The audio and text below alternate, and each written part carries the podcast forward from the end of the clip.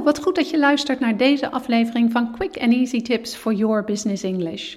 In deze podcast hoor je wat je moet doen als je vastloopt in het Engels. Welke trucjes je dan kunt toepassen om jezelf weer te herpakken. Denk aan een blackout die je krijgt tijdens een Engelse presentatie. In paniek raken omdat je niet lekker uit je woorden komt. Of midden in een verhaal switchen van Engels naar Nederlands omdat je de juiste woorden niet kunt vinden. We've all been there.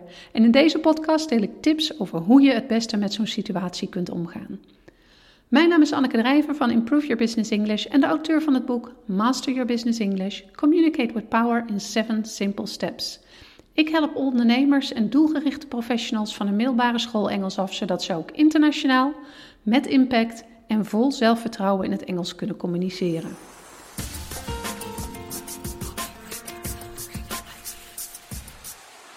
Er is altijd kans op een situatie waarbij je vastloopt in het Engels. Dat gebeurt vaak als je Engelse kennis niet groot genoeg is voor de situatie of als jij het niet gewend bent om Engels te spreken. Maar het kan ook gebeuren als je spanning ervaart, bijvoorbeeld omdat je voor een grote groep staat. Je kunt een vraag krijgen waarop je niet zo'n 1, 2, 3 het antwoord weet, of ineens onverwacht moet overschakelen naar het Engels. En bij die laatste voorbeelden geldt dat je zelfs kan overkomen als je je redelijk thuis voelt in de Engelse taal. Engels is tenslotte niet je moedertaal en het vergt gewoonweg extra moeite om de juiste dingen te zeggen in een taal waarmee je niet bent opgegroeid. Het is dus helemaal niet raar als je vastloopt in het Engels. Maar dan komt de volgende stap. Hoe los je dat op? In deze podcast hoor je daar een aantal handige strategieën voor. Die helpen je om je eigen frustraties weg te nemen, over je angst heen te komen en makkelijk een gesprek voor te zetten nadat het misgaat. De eerste strategie is rustig blijven en tijd rekken. Dat is natuurlijk makkelijk gezegd, rustig blijven, maar hoe doe je dat in the heat of the moment? Je blijft al snel rustig als je jezelf extra tijd gunt om na te denken. En daar komt de tijdrekken kijken. Je rekt tijd door te zeggen dat je een woord of gedachte even kwijt bent.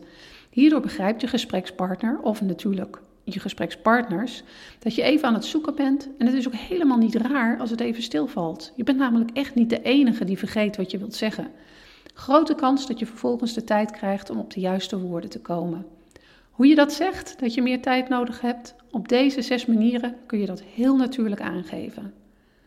Hmm, I'm not sure. Give me a second to think about it. Let me think about that for a moment. Hmm, I lost my train of thoughts. One moment. I forgot what I wanted to say. I'm so sorry. Hopefully, it will come back to me in a moment. I've never thought about that. Let me think about it. The word is on the tip of my tongue, but I just can't find it now. One moment, please. De tweede strategie is een vraag beantwoorden met een vraag.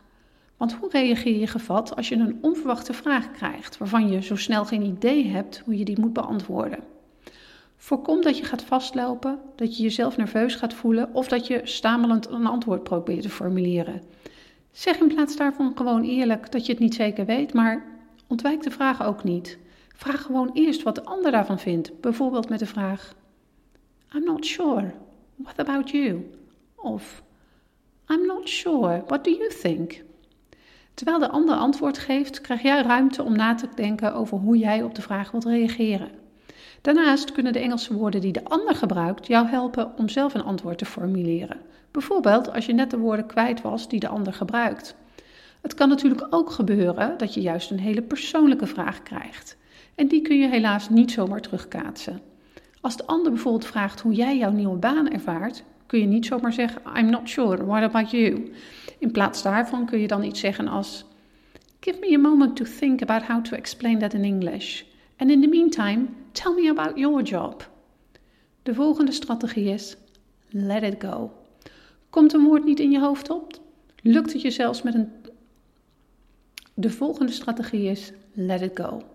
Komt een woord niet in je hoofd op? Lukt het je zelfs met tijdrekken niet om de juiste woorden te vinden? Dat overkomt de beste. Zoiets kan gebeuren.